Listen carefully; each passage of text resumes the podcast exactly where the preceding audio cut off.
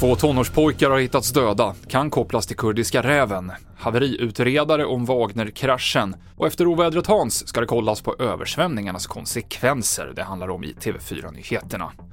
Ja, det var en 14-årig pojke som försvann från ett HVB-hem i juli som hittades död i Upplandsbro förra veckan. Det här uppger åklagaren idag. En 15-årig pojke har häktats misstänkt för medhjälp till mord. En annan 14-åring som försvann samtidigt hittades mördad i Nynäshamn den sista juli. Och enligt uppgifter till TV4 Nyheterna så utreder polisen kopplingar mellan de här händelserna och det kriminella nätverket Foxtrot och dess ledare som kallas för Kurdiska räven. Vi fortsätter med flygkraschen igår där Yevgeni Prigozjin och andra högt uppsatta personer i Wagnergruppen tros ha omkommit. Källor uppger för en amerikansk tankesmedja att kraschen kommer förklaras med att det var ett terrordåd som skett ombord eller att planet sköts ner av misstag. Sven Hammarberg som är haveriutredare har tittat på filmer och bilder som visar kraschen. Medan flygplanet singlar ner så ser man en ytterligare en rökplym vid sidan av flygplanet som singlar ner.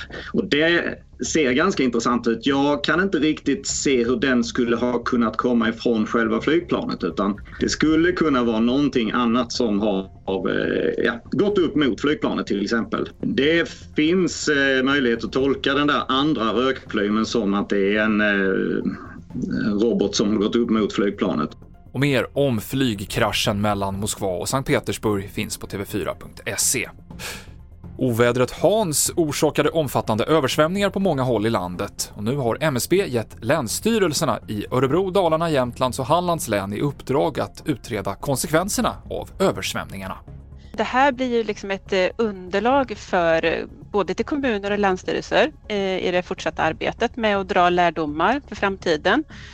Och när man planerar då för förebyggande åtgärder och för att kunna liksom även kunna hålla tillräckligt beredskap när, när det händer igen så att säga som Maria Doverhög på MSB. Det avslutar TV4-nyheterna.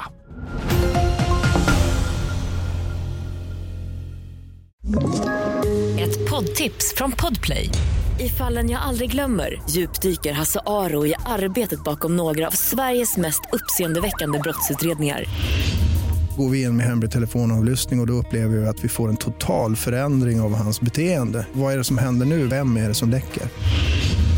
Och så säger han att jag är kriminell, jag har varit kriminell i hela mitt liv men att mörda ett barn, där går min gräns. Nya säsongen av Fallen jag aldrig glömmer på Podplay.